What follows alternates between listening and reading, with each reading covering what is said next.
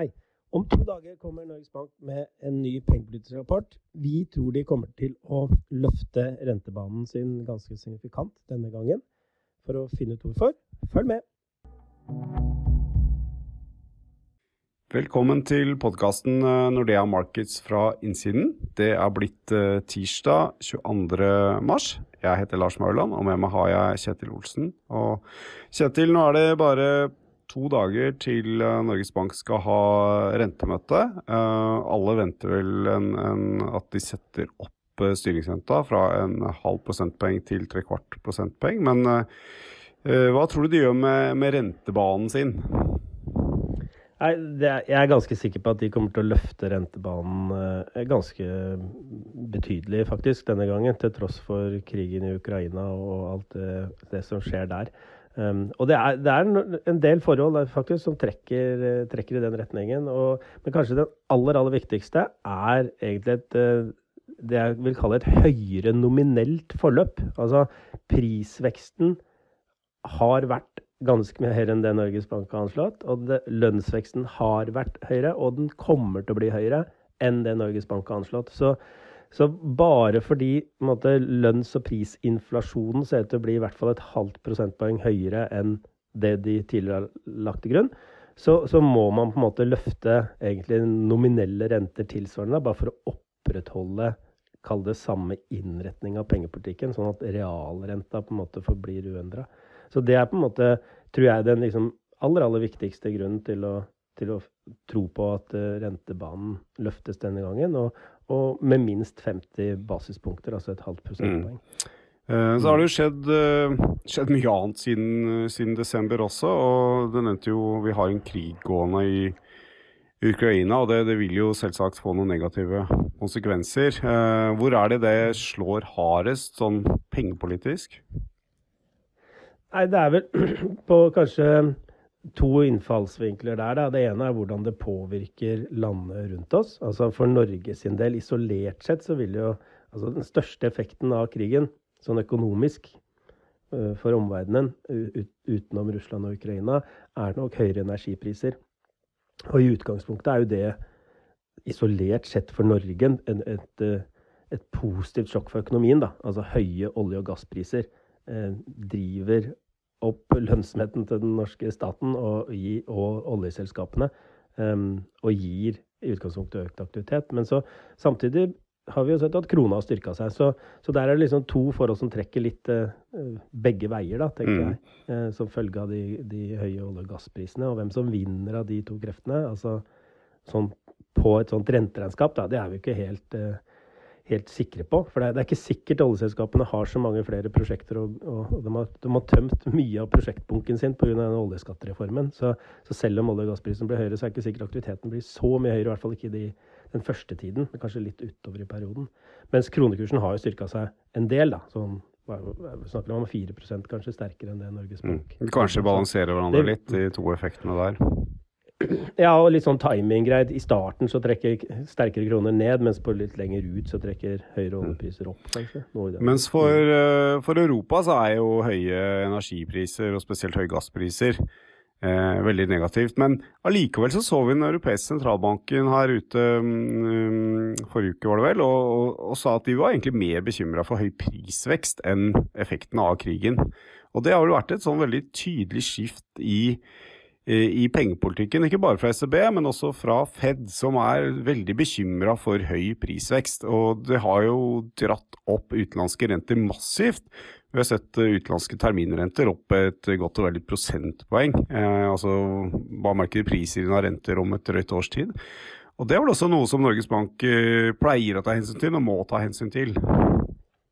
Ja, når renten ute er viktig for renten her hjemme gjennom liksom valutakurskanalen. Og, og, typisk er det sånn at, den, eh, at man, man, tar inn omtrent halvparten da, av den endringen som skjer blant eh, rentene ute. Og når du sier at eh, rentene ute har løfta seg med, med ett prosentpoeng, liksom, så, så, kommer det på en måte nesten sånn automatisk et halvt prosentpoeng opprevidering av rentebanen her hjemme som følge av høyere renter ute eh, også.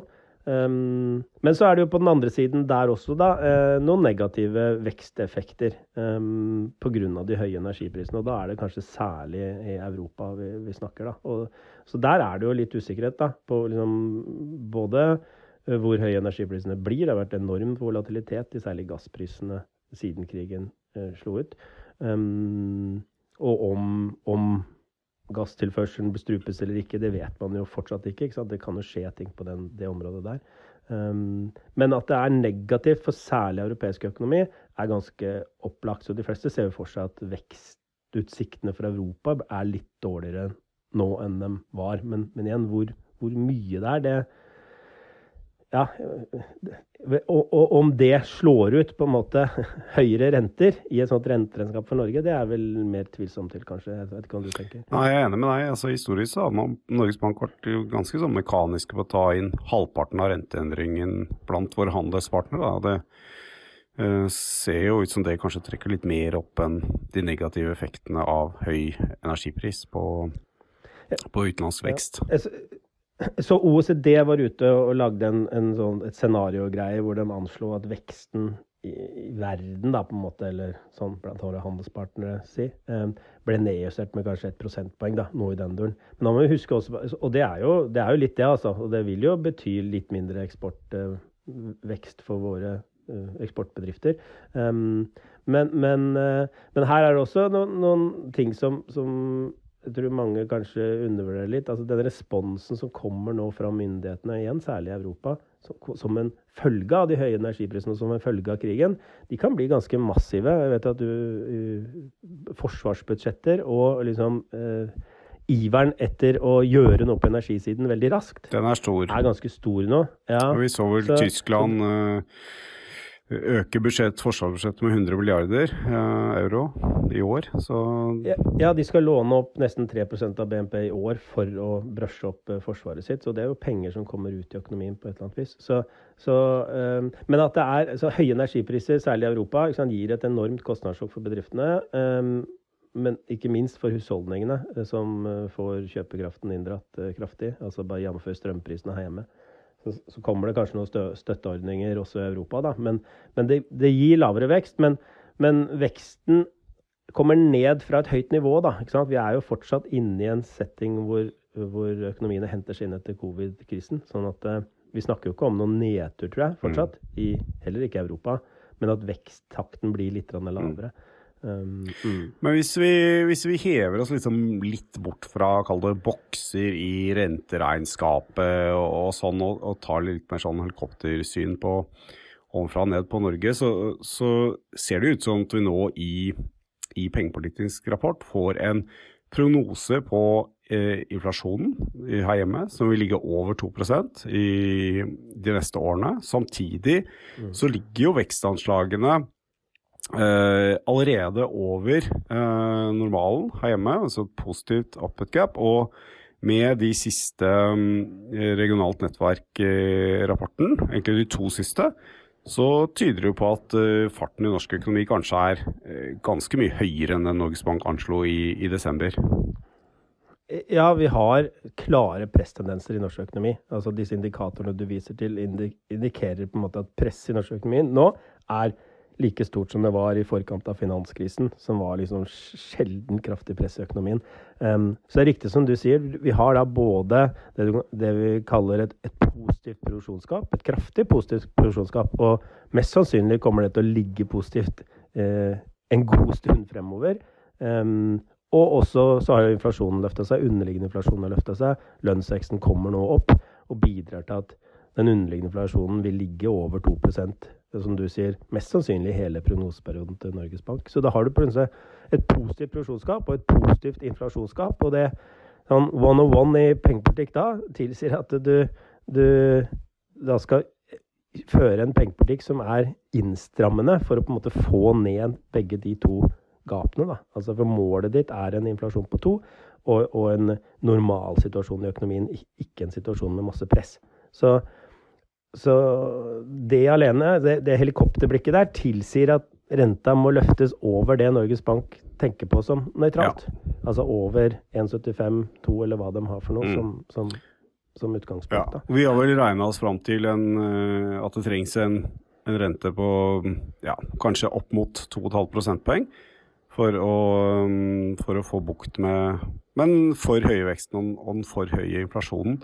Uh, vi får se. Det er ikke sikkert det blir Norges Bank kommer til helt den samme konklusjonen, men det er i hvert fall det vi har, har kommet frem til.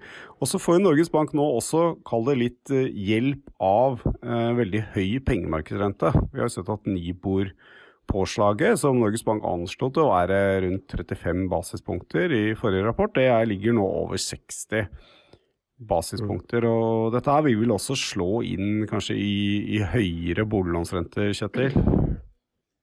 Eh, ja, kanskje. Vi får se hva bankene gjør, da. Men eh, de, de, de syns nok det er vanskelig å justere opp rentene uten at Norges Bank gjør det samtidig. Men for, for Norges Bank sin del så, så bidrar jo det egentlig For jeg tror de også kjenner på det at de er litt sånn bakpå. Altså De skulle sikkert tenkt at renta skulle vært litt høyere allerede nå. Men, så de får jo litt hjelp, da, egentlig, fra denne høye Niboren. Um, så det gjør jo at de kan fortsette, tror jeg, med liksom sin kvartalsvise tilnærming og liksom heve renta hvert kvartal. Men de har fått på en måte en ekstra heving nå, da, som følge av høye Nibor-premier. Um, uh, så, så, så, jeg tror ikke Norges Bank er så spesielt bekymra over at den uh, premien er høy nå. Det er mer Det går liksom riktig vei, på en måte, i forhold til innretningen av pengepolitikken som Norges Bank ønsker mm. seg. Mm. Jeg er enig. Så får vi se hvor mye hvor mye ekstra bankene ligger over på, på boliglånsrenta når Norges Bank hever til uken. Det er gode grunner til å, å heve boligrenta mer enn 25 punkter, i hvert fall. Bankenes finansieringskost på, har, har, gått opp mm. mye mer enn en 25 punkter de siste mm. tre månedene. Gått over dobbelt så mye. Så så vi får se. Det tror jeg det er eh, helt klart rom for. Og jeg tror Norges Bank også er egentlig innforstått med at det kommer til å skje, og kanskje til og med litt fornøyd med at det blir litt mer enn 25 punkter i økte lånekostnader for folk flest. Mm, mm. Ja. Eh, det var vel det vi hadde i dag, Kjetil? Hvis ikke er noe du vil tilføye? Ja, jeg, jeg, nei, jeg tror, tror det. Vi, vi, jo, altså, vi, vi, tror jo Norges Bank hever renta hvert kvartal ut neste år, sånn at vi lander på en styringsrente på 2,5 ved utgangen neste år. Men så er vi litt usikre på om Norges Bank kommer til å signalisere det helt og fullt nå, da. Men, men kanskje de, de, de, de, mest sannsynlig kommer til å si fire renteøkninger i år. Og tre eller fire. Mellom tre og tre, Ja, noe, noe i den ja, duren. Og det tror vi, syns vi det er veldig gode grunner til. Ja. Mm. Da sier vi takk for oss. Du har hørt på podkasten eh, Nordea Markets fra innsiden. Takk for oss.